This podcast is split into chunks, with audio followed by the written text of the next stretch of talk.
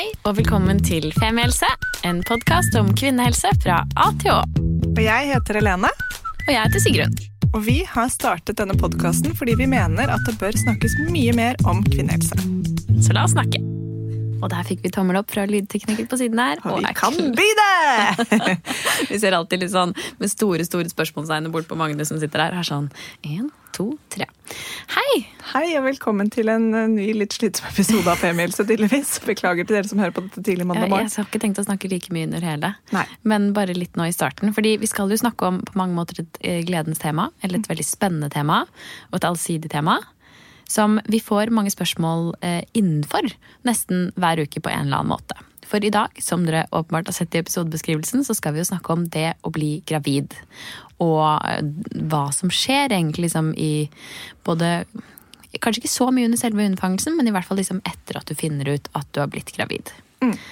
Og jeg skjønner jo at man er nysgjerrig, rett og slett, fordi eh, akkurat liksom Det er jo en del eh, både usikkerhet, men også liksom nysgjerrighet da, de første ukene etter at du kanskje har fått en positiv graviditetstest. Hvor, i hvert fall hvis du ikke har opplevd det før, så er det liksom hva er det som skjer nå, egentlig? Eh, hva skal jeg gjøre? Hva skjer med kroppen min? Og den der lille kreket inni magen. Og ja, mange, mange spørsmål. Så vi er heldigvis så heldige at vi har med oss Elisabeth Kjølholt i studio. Velkommen tilbake til oss, Elisabeth. Tusen takk. Veldig hyggelig å bli invitert tilbake. Det er veldig veldig hyggelig å ha deg her. Og du er jo ekspert på dette her på mange måter. Du er jo fastlege ja, og møter jo veldig mange kvinner, nygravide kvinner, Det antar jeg. gjør jeg absolutt. Og nyføtter. De Og ny- akkurat, nyføtter. akkurat de som Nyføttinger. De som, altså, du møter jo nyfoting heter det. Nyfoting, ja. Unnskyld. Lærer mens jeg går her, Sigrun. Eh, Du følger jo da ofte opp liksom, kvinner hele veien der. Det er jo det jeg føler meg så privilegert at jeg får lov til å gjøre, da. Eh, Helt fra den første positive graviditetstesten til, eh, til dette barnet er her. Mm. Så det, det er fantastisk spennende. Hvor tidlig tar kvinner kontakt med deg? Åh, det varierer altså øh, ganske stor øh, variasjon i forhold til tidspunkt der, altså. Men øh, de aller fleste kommer idet de har fått en positiv graviditetstest. Og så er det de som kommer også ut i uke 20 og tenkte oi, jeg er skulle jeg vært her før, på en måte? Jeg føler meg fin, og alt er, alt er greit. Eh, Men jeg, min, min erfaring er i hvert fall at de fleste er ganske belest og, og vet at man skal ta kontakt med fastlegen når du også har en positiv graviditetstest. Og da får man komme med en gang. Ja, det er jo det vi prøver å få til. Men nå har det jo blitt faktisk en del av eh, de nasjonale retningslinjene som Helsedirektoratet har i forhold til svangerskapsoppfølging, at man skal kunne få time hos fastlegen sin eh, en uke etter at man har forsøkt å bestille. Og også da en oppfordring om at man skal ta kontakt med fastlege med det samme man har funnet ut at man er gravid. Ikke sant? Og det er jo veldig fint. Og jeg tenker sånn, Veldig. i hvert fall hvis det er første gangen man er, eller skal gjennom dette her, så er det jo ja, fint å, å vite hva man skal gjøre. For man sitter jo der kanskje litt med den positive graviditetstesten og er sånn, ok, hvem skal jeg fortelle dette til? Hva skal jeg gjøre nå? Hvem har ansvar for dette her? Det dukker altså opp så utrolig mange spørsmål, og de fleste tenker jo også idet den testen måtte slår ut og er positiv, at boom, nå endres alt. Og det endres nå. Eh, og så trenger man kanskje litt tid til å forstå at det er et ni måneders langt svangerskap eh, som ligger foran, og du har masse tid til å finne ut av ting og få svar på de spørsmålene du har. Men nettopp derfor er det jo så fint at man da faktisk kan få snakke med en fagperson også tidlig, og, og kanskje få noen litt beroligende ord eller tid. Ja, det er veldig, veldig fint. Skal vi prøve å gå litt tilbake? Fordi før man har tatt denne testen, så har man kanskje noen eh, Kanskje noen, herregud, hva heter det? Antakelser? Ja, hunches. Hunches. Ja. På at noe kan ligge litt i gjerdet. Noe er alvorlig galt. Ja, noe er alvorlig galt. Ja, noe er ikke som det skal være. Hjelp. Um, hva er de vanligste liksom, graviditetssymptomene? Det aller vanligste Altså, man, man kjenner stort sett bitte lite grann fra uke fem. Da man som regel en uke etter forventet menstruasjon. Eh, Og det kan jo være at man er litt sånn øm i puppene. Eh, man kan få litt endring av utfloden. Man kan få litt sånn rare ryggsmerter, litt mensenlignende murringer. Eh, det er vel kanskje det hyppigste. Eh, og så dunker det jo i vei etter det. Ja, derfor går det oppover, gitt. Det som, men det som er så teit med graviditetssymptomer, er jo at det er de samme symptomene som PMS ofte gir. Mm. Så du, for de som går og håper på å bli gravid, så kjenner liksom Oi, nå er puppene varme og store her, og nå kjenner jeg den murringen. Nå skjer det. Og så bare nei. Nei, det var PMS-en. Men jeg har jo aldri vært gravid, men jeg har jo da også venninner som allikevel sier at i hvert fall med nummer to, eh, så gjenkjenner de det fra nummer én og skjønner det veldig fort. At Ja. det ikke er som PMS, selv om symptomene kan være like. At det liksom er et eller annet som sier deg at nei, dette er annerledes. Det er litt annerledes. Og det jo- da har man jo erfaringen, og man kjenner jo de nyansene på de signalene kroppen gir. Også, også bedre, da. Så det, det er jo fordelen ved å ha gjort det tidligere. Selv om hvert enkelt svangerskap kan være forskjellig. Noen har jo ikke noe særlig symptomer i det hele tatt. Ja, for Hvorfor er det sånn? Er det, har det noe med hormonnivåer å gjøre, eller er det bare litt sånn tilfeldig? Det har eh, selvfølgelig med hormonene å gjøre, og da er det jo mye HCG, som er dette graviditetshormonet som stiger som virkelig sjosj til værs i løpet av eh, det første trimesteret, eh, og toppes gjerne sånn rundt uke åtte.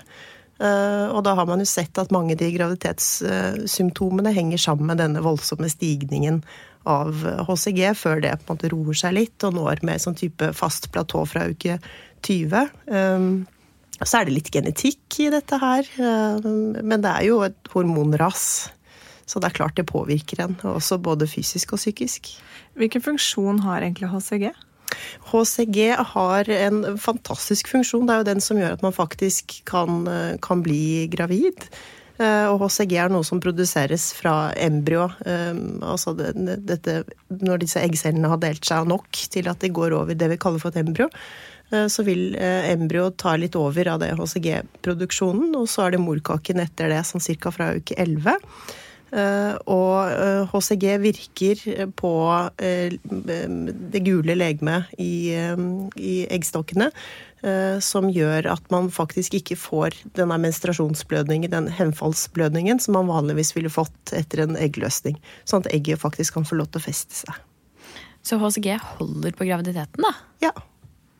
Sammen med Også progesteronet. gjennom- Ja, sammen med progesteron, ja. Det er Det er jo progesteron i, i hovedsaket som er den som holder, da. Men det er jo HCG som er på en måte gassen for at progesteronet fallet ikke kommer.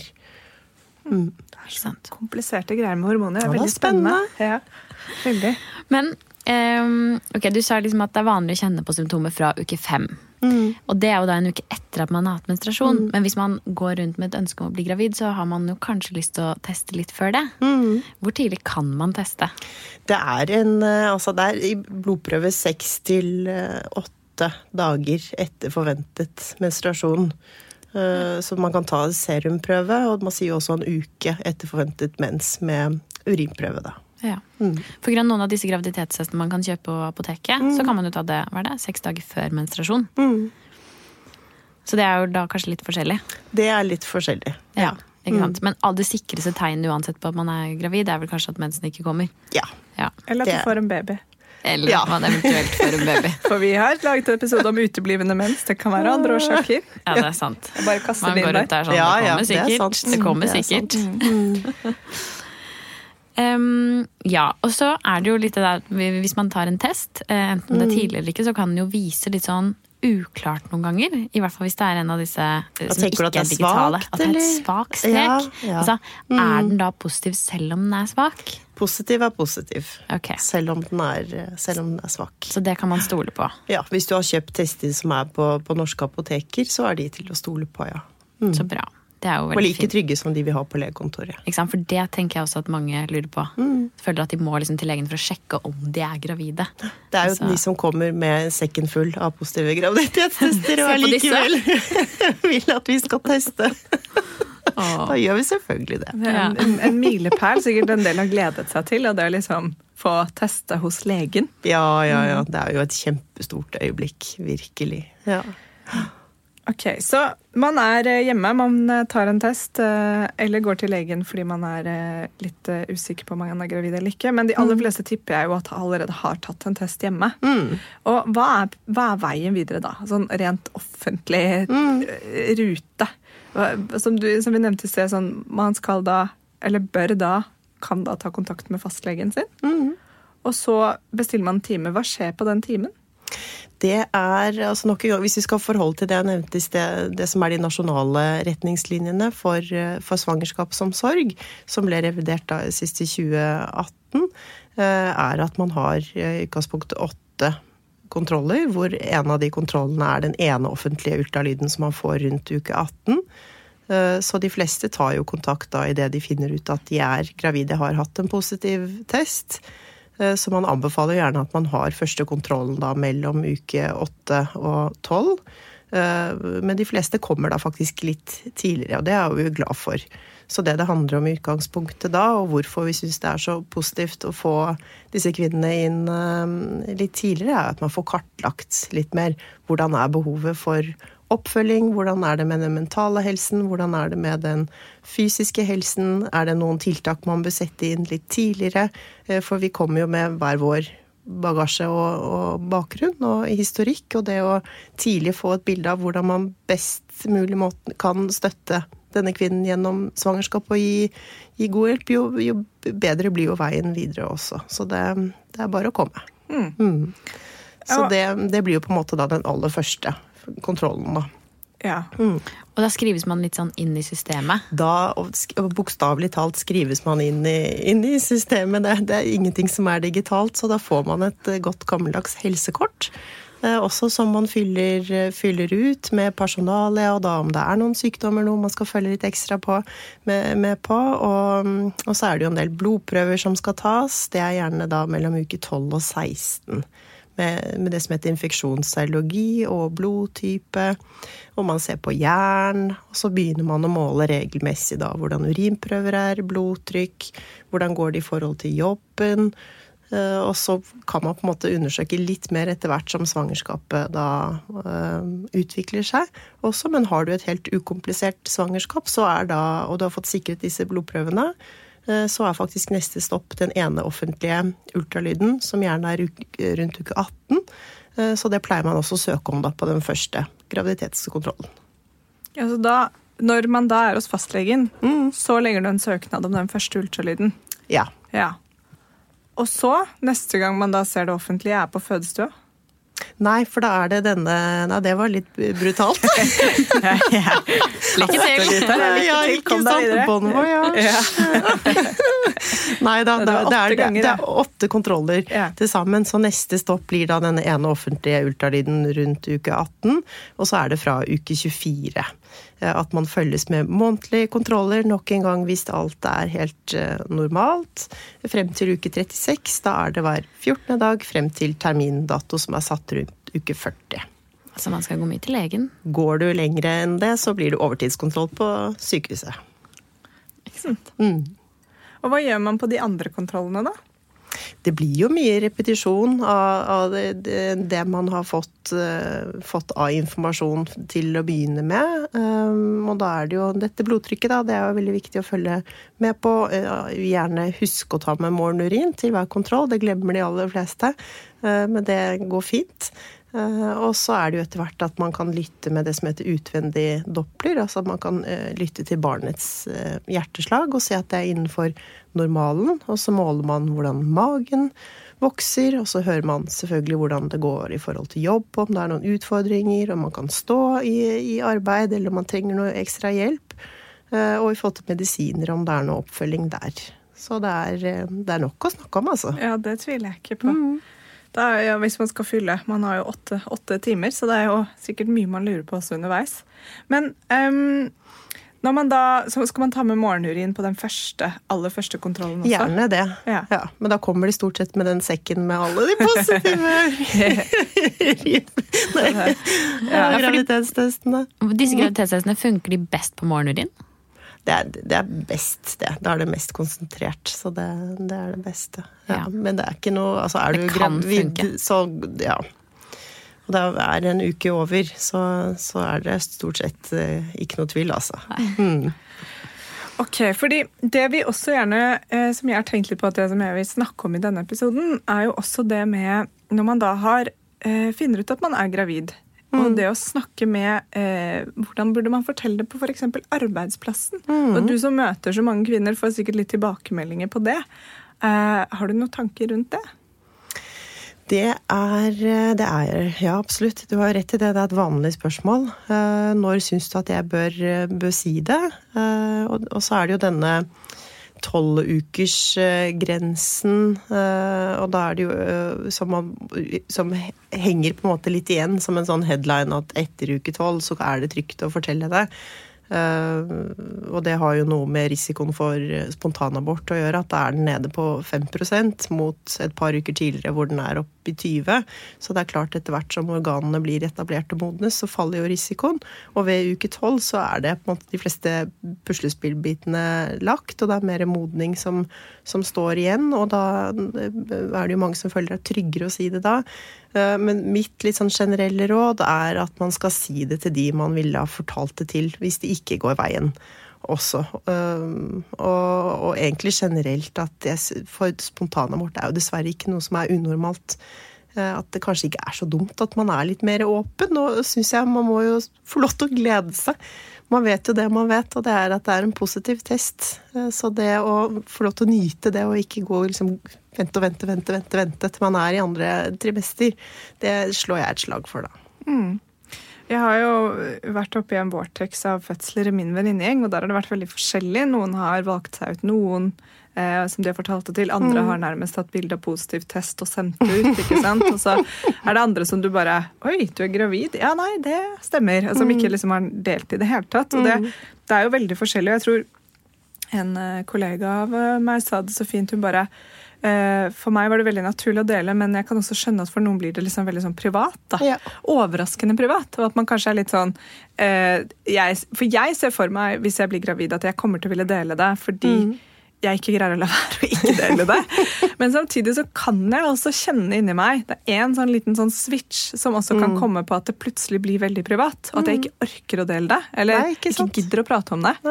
Um, og der tror jeg det er Jeg snakket med en kompis av meg som uh, han fortalte på 17. mai, så holdt han en veldig fin tale hvor han sa gutta, nå må vi bygge minner, fordi at nå er det siste 17. mai med dere. Og vi bare fy faen, skal du dø? Og det var helt sånn, det var helt stille i rommet, og alle bare sto og så på han og bare hva er det som skjer nå?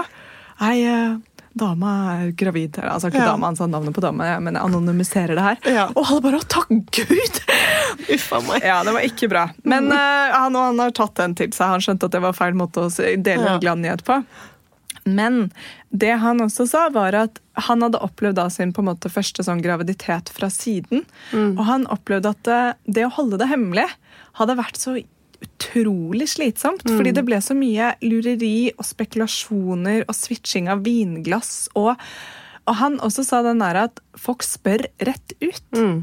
Og det, det syns jeg er superprovoserende. Mm. Og jeg har tenkt sånn, hvis jeg hvis, altså, noen har jo spurt meg før er, det, er det noe på gang, liksom. Mm. Så er det sånn nei, du, tusen takk, det er det ikke. Men hvis jeg hadde vært gravid og jeg hadde fått det spørsmålet, jeg tror jeg hadde blitt så sur. Fordi man forteller det jo når man er forklart, altså klart mm. å fortelle det. Så jeg tenker at den, der, den er liksom tricky, for jeg er egentlig veldig pro det der drit i den tolvukersregelen. fordi mm. jo mer vi kan snakke om at det også går galt med folk, eller galt, og at det ender i spontanabort noen ganger, jo mindre tabu blir det rundt det. Mm. Og at, eh, at, man tar med folk på den reisen kan være fint. Eh, men samtidig så kjenner jeg veldig på den der gravingen og at folk sitter og mm. følger sånn med på hva drikker hun nå, hva drikker hun ikke, er utrolig ubehagelig. da. Ja, ja. Og så tenker jeg, Det er jo forskjell mellom det, det, Jeg sa i sted, det er jo ikke en oppfordring til å ta et sånt større sosialt ansvar, at man skal på en måte stå på Karl Johan og rope det ut, men det å kanskje dele det med de man er, er nær, da. Ja, som du sa, ikke sant. De du som hadde garden, fått beskjed. Som du ville snakket ja. med uansett. At det, er, det, det, det er kanskje litt, kan være litt godt og mm. litt, litt fint. men det det er jo ganske gjenkjennbart det du, det du forteller om der, og det, det, det, vil jo bare fortsette gjennom hele svangerskapet. Altså at det, er en, det, er, ganske, kan være ganske invaderende. Eh, og så er man jo fryktelig sårbar, da, og er jo ofte ganske redd for at det ikke skal gå veien. og og det er jo på en måte bakteppet forut for den graviditeten er jo også så utrolig forskjellig. Noen har jo prøvd i en evighet, det er prøverør og er livredd. Mens andre sa det bare pang og tror nesten ikke det er sant og gleder seg, men er også dritredd. For det skulle jo egentlig ikke skje før om et halvt år. Mm. Eh, så det, man vet ikke hva som rører seg bak. Nei, og det er, det er, jo mye vi i vår eh, hva skal jeg si, sosiale medier-sfære, så følger vi jo via Femihelse veldig mye ulike damer mest. da. Mm. Og vi ser mye prat om både mammapoliti og om eh, gravid invadering av space og eh, ja, de vonde tingene som er at man ikke vet helt hvilken reise folk har hatt. da. Mm.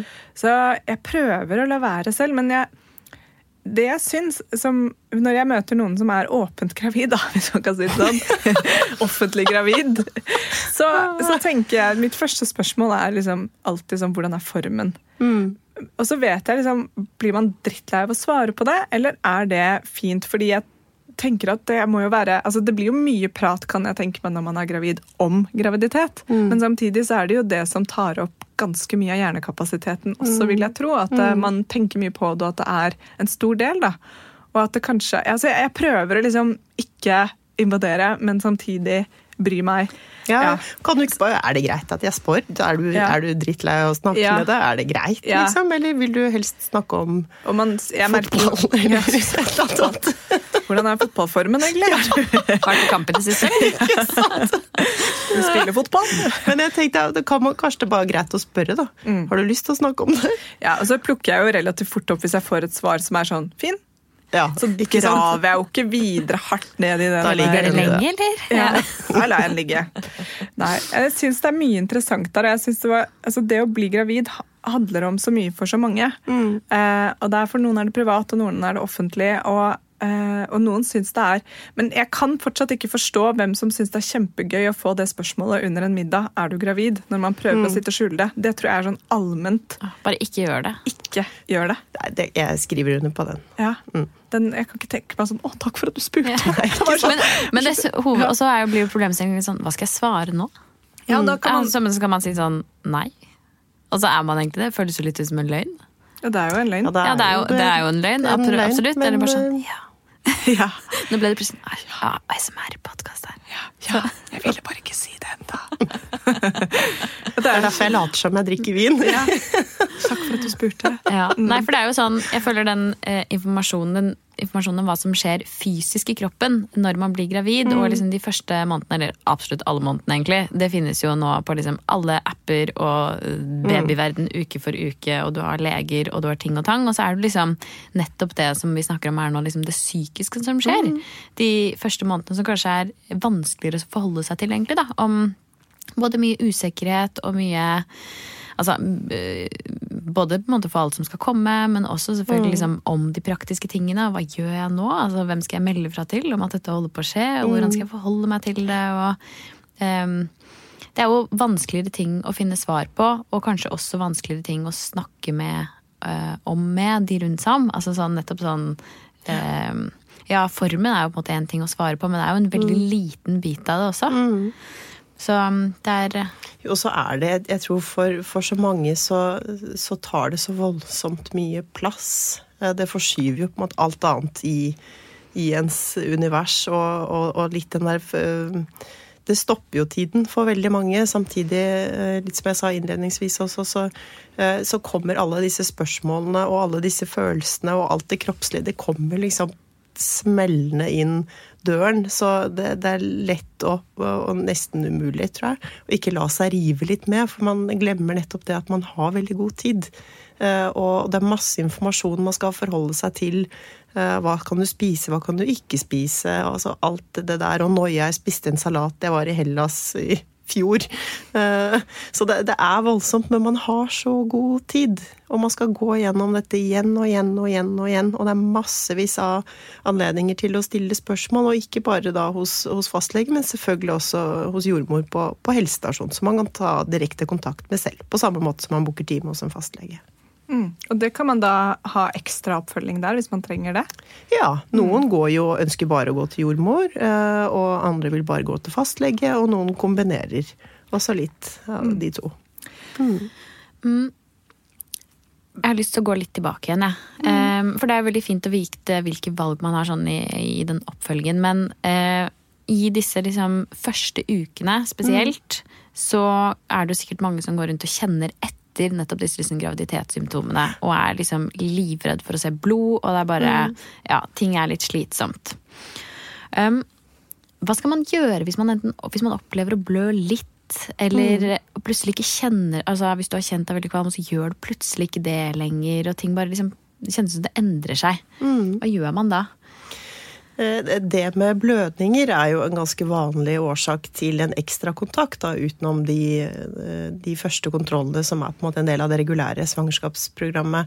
Eh, Og det, det er jo faktisk også noe som er ganske vanlig, at man har det man kaller for festeblødninger eh, når, når dette embryoet eh, utvikler seg og, og har kontakten med, med livmoren og morkaken utvikler seg. Det er så mye som skjer. Og det å ha små blødninger i den forbindelse er, er ikke noe som er uvanlig. Eh, Så det er jo klart det, de små blødningene er jo noe som kan skremme mange, og at man kjenner at det stikker litt i lysken, og alle disse tegnene på at livmoren faktisk vokser. Um, kan jo tolkes som type mage, magesmerter. Eh, Er det noe man er engstelig for, så skal man, skal man ta kontakt med, med fastlege eh, eller med, med jordmor. Og, og det man typisk gjør hvis man er engstelig for, for en spontanabort, er jo å, eh, å først avdekke er det en pågående blødning, eller har det bare vært en liten blødning.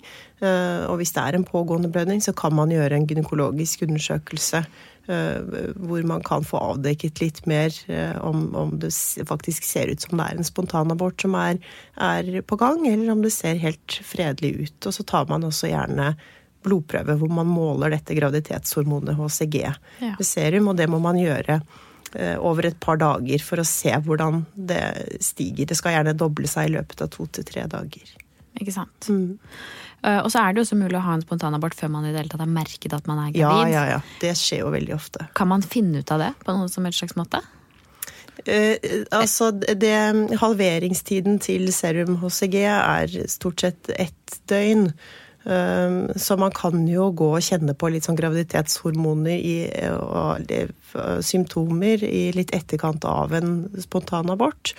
Eh, Så det er nok en gang dette, mm, denne blodprøven er jo med å, å hjelpe oss å avdekke. Og så vil det jo være Du kommer an på hvor tidlig det er at man eventuelt tar en ekstra ultralyd. da. Mm. For hvis man tror altså, eh, det virker som det har vært en vanlig mens, eller en litt forsinket, forsinket mens, så er det jo litt vanskelig å vite kanskje om det er det Det det, er var. kjempe, kjempevanskelig. Det er akkurat det. Ja, så da er det jo kanskje.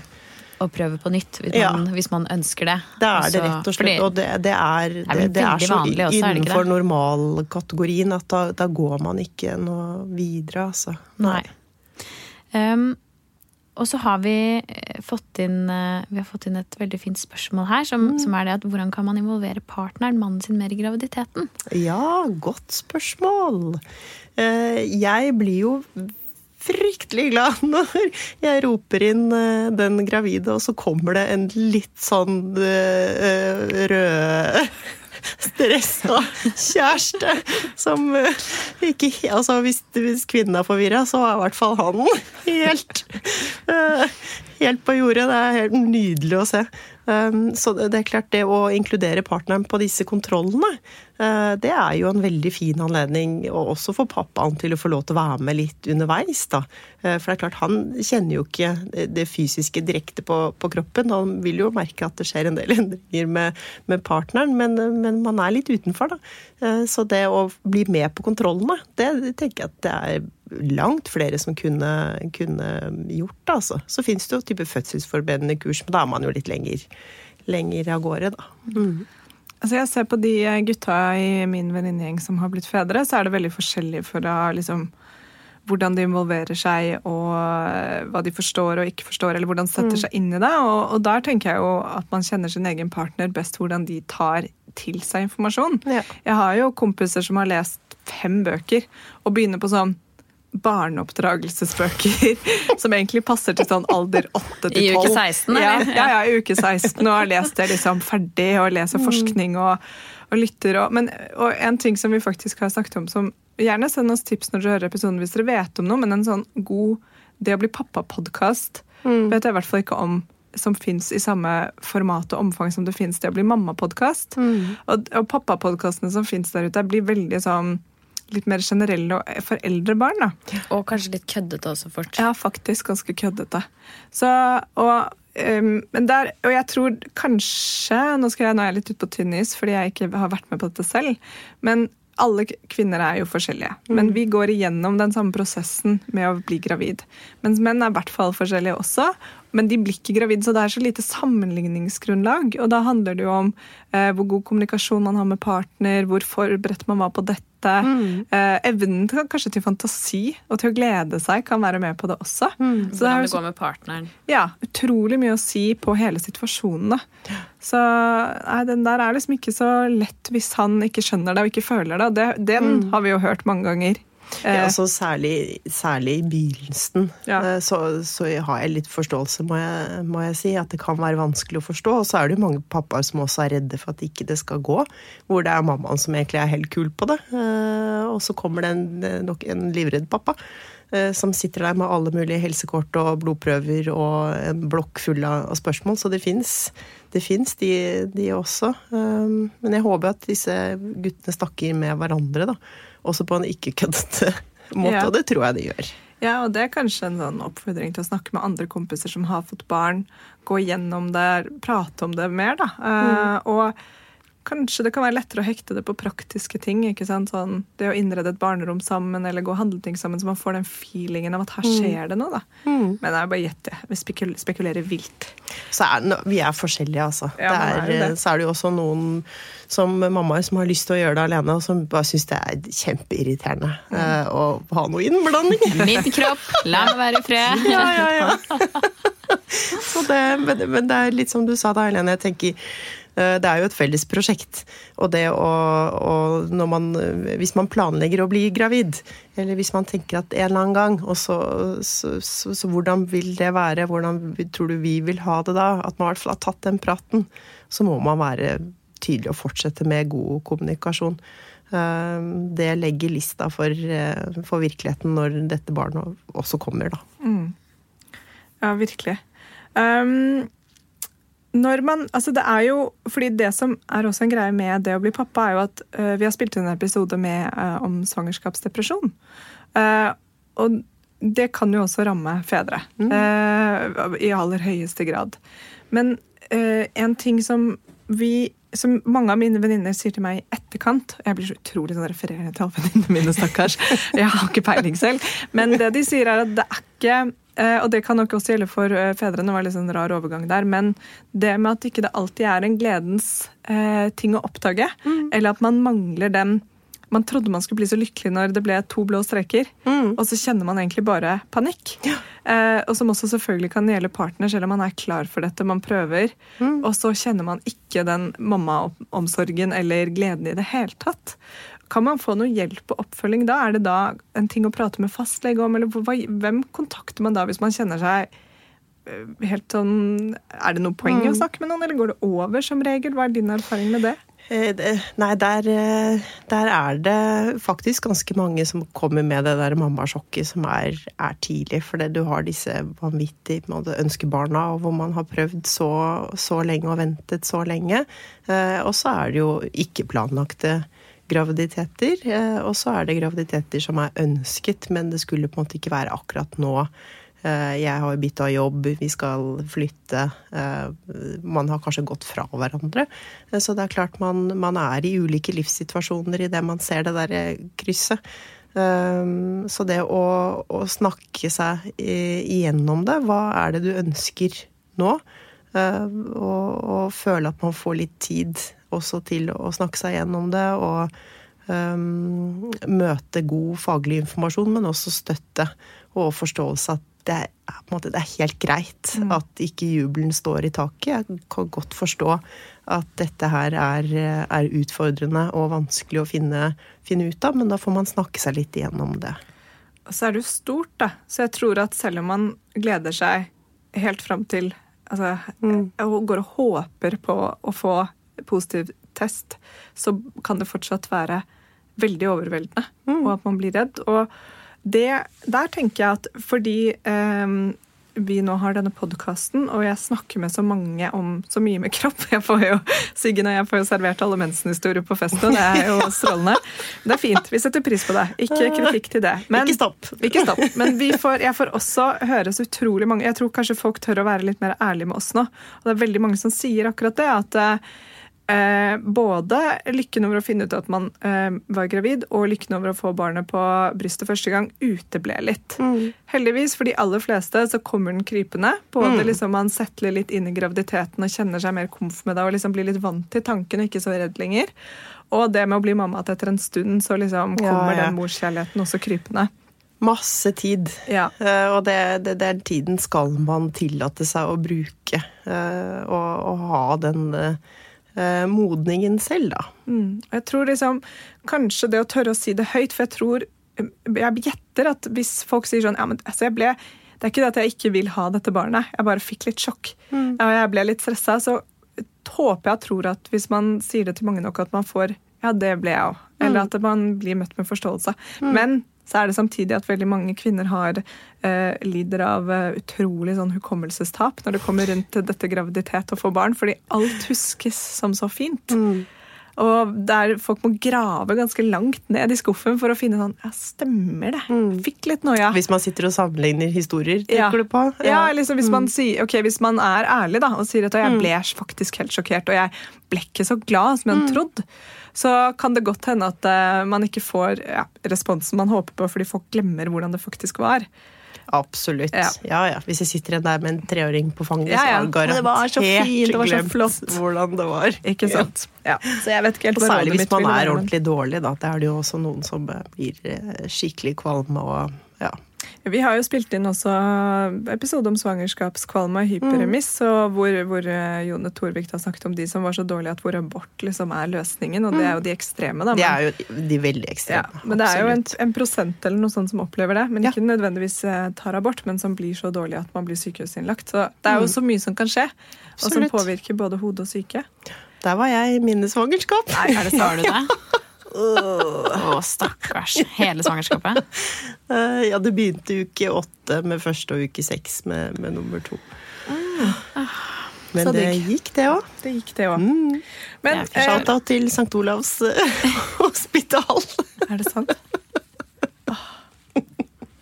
Nå sitter jo vi og synser, Ja. som vi ofte gjør. Eh, men vi har Ikke vi, da. Elisabeth synser ikke. Nei, men Nei. du og Å, jeg, Siggen. ja. Ja, Elisabeth har noe sånn faglig tyngde med seg som fastlege. Men eh, vi fikk Det var egentlig veldig sånn skjebnen. Fordi at eh, Som så mye med femiehelse. ja, alt er skjebnen med femiehelse. Tarot og, femi, tarot og skjebnen. Eh, vi fikk en melding eh, av en venninne på Instagram. Og så sa hun du, jeg har et tips til en episode du burde spille om rundt det å bli gravid og hva oppfølging og sånn skal være. Jeg bare hallo, vi skal spille inn den episoden Lol, ja. i dag! Det er jo fantastisk. Og hun kunne da skrive på Instagram, og jeg ble så sjukt glad at hun er gravid. Så nå skal Corina komme inn her i studio og fortelle litt hvordan hun har opplevd det, og hva man faktisk skal gjøre.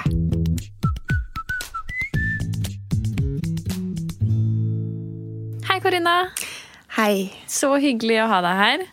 Og gratulerer 10 000 ganger. Det er så hyggelig. Tusen takk.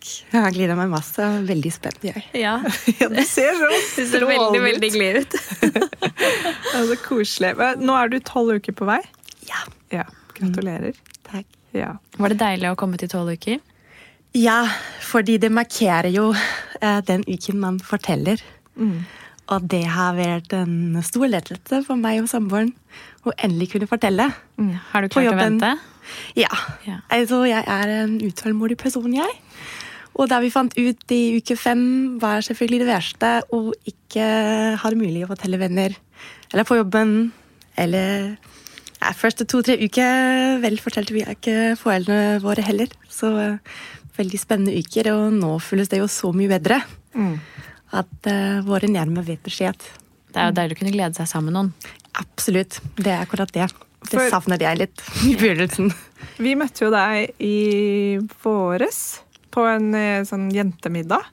Det var veldig veldig hyggelig. Og så holdt vi kontakten, og så skrev du faktisk innledning til et kapittel i boka vår. Ja. Eh, om din, eh, da, da bodde du i Tyskland, hvor du er fra. ja, og om eh, eh, kondensering eller eh, celleforandringer. Ikke sant? Mm. Jeg husker På den middagen så snakket vi om For da, dette er sånn femmils. ikke sant? Da, da med en gang, Det tar to sekunder, og så begynte vi å snakke om at eh, du, ja, du hadde lyst på barn og dere prøvde Ja. litt og sånn. Jeg ble, ble så utrolig glad da du sa at du var gravid nå, for det har jo vært en, en liten reise for dere. Det er sant.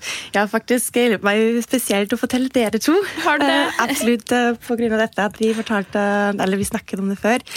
Ja, um, det har vært en god reise, og det har egentlig ikke vært så lenge da, til slutt. Så samboeren og jeg vi begynte å prate om det sånn om våren. Var enige om at vi skulle ha barn.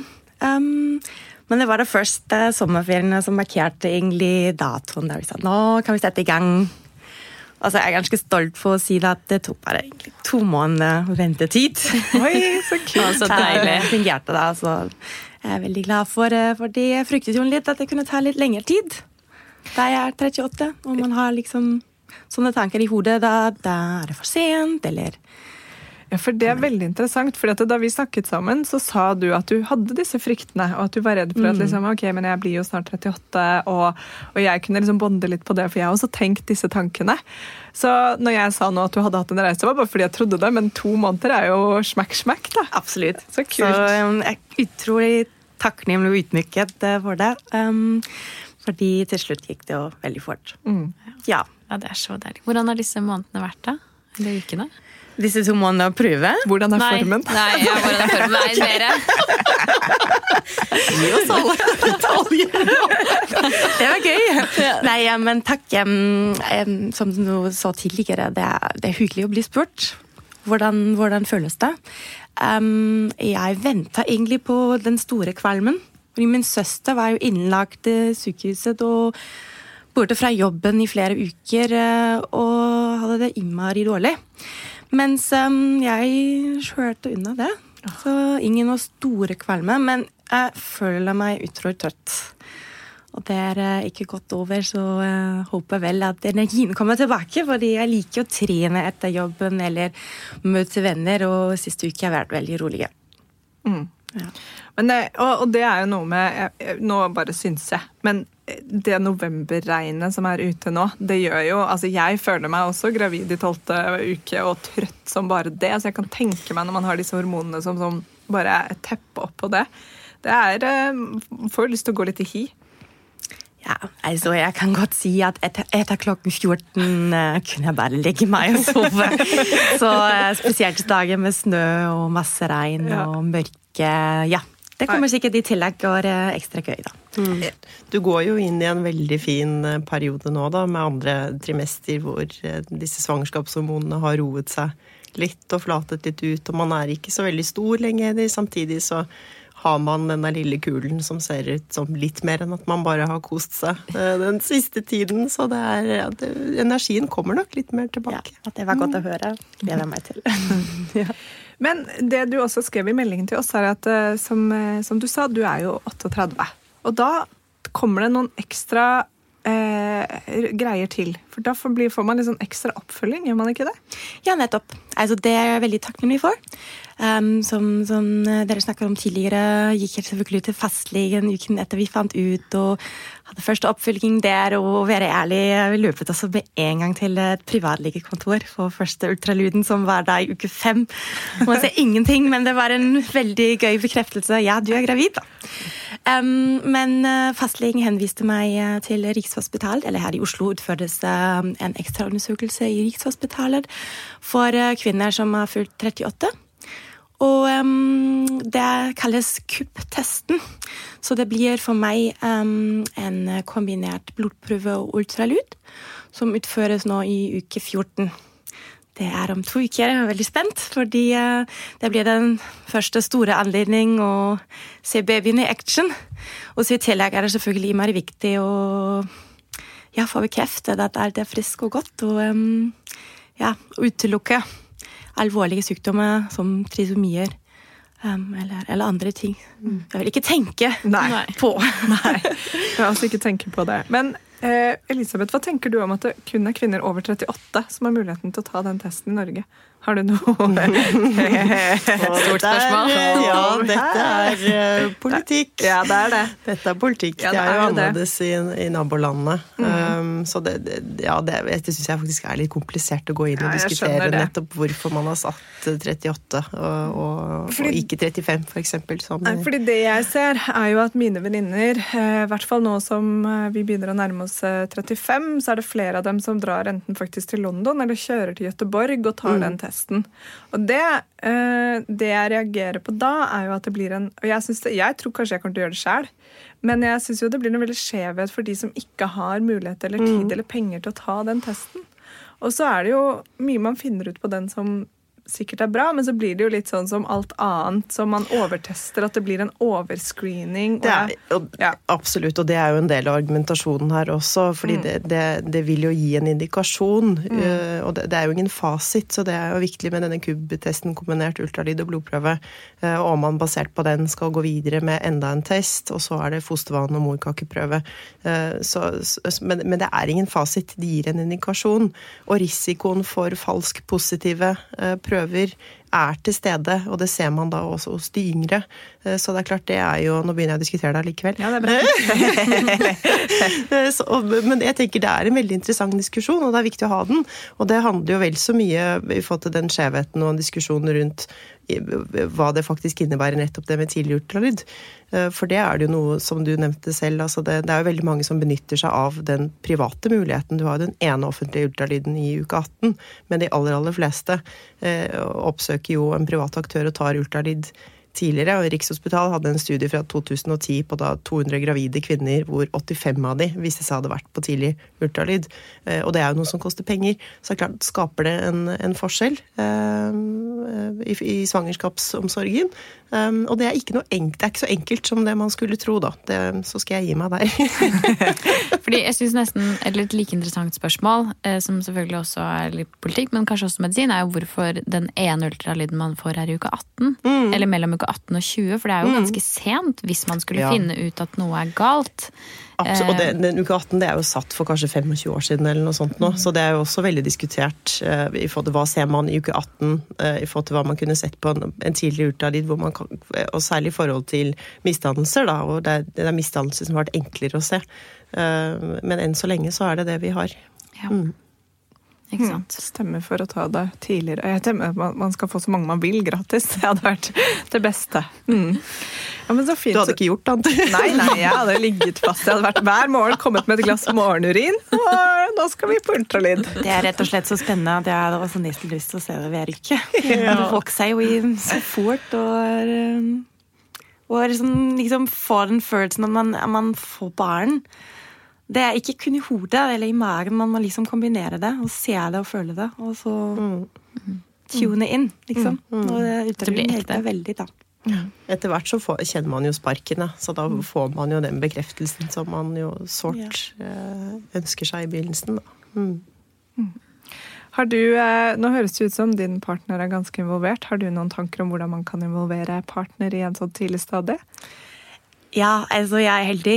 Jeg er veldig heldig. Um, han er eh, egentlig dem som, som sjekker opp flere fakta enn jeg, eh, og har lest litt mer enn jeg, vil jeg tro. Um, vi snakker om barnet hver dag. Jeg tror det er sikkert også noe de fleste par har anledning til. Og um, det er deilig å, å lage planer, og ikke, ikke kun selvfølgelig være involvert i alle besøkere hos legen, jordmor. Det, det gjør vi faktisk i morgen tidlig, så det blir også spennende. Men eh, å være sånn prate i hverdagen om, eh, om barnet som er der. Um, vi har um, kosenavn allerede, og eh, det, er, eh, det fører oss nærmere sammen, også hele prosessen. Men jeg føler også det kommer veldig mye fra hans side. Nysgjerrighet, men også ja, masse pappakos. Og vi sier egentlig hver dag at ja, pappaen er også viktig, da. Det er litt sånn slagord man leser i mange mm, bøker eller eh, magasiner, og vi ler alltid litt om det, men det stemmer jo vel. Han er jo like viktig. Jeg var keen på å bli gravid bare av å se på deg. Du er bare så utrolig sånn der yeah. Bubbly joy. Rett hjem og ligge. Skal, Dette vil jeg også. Det er så koselig.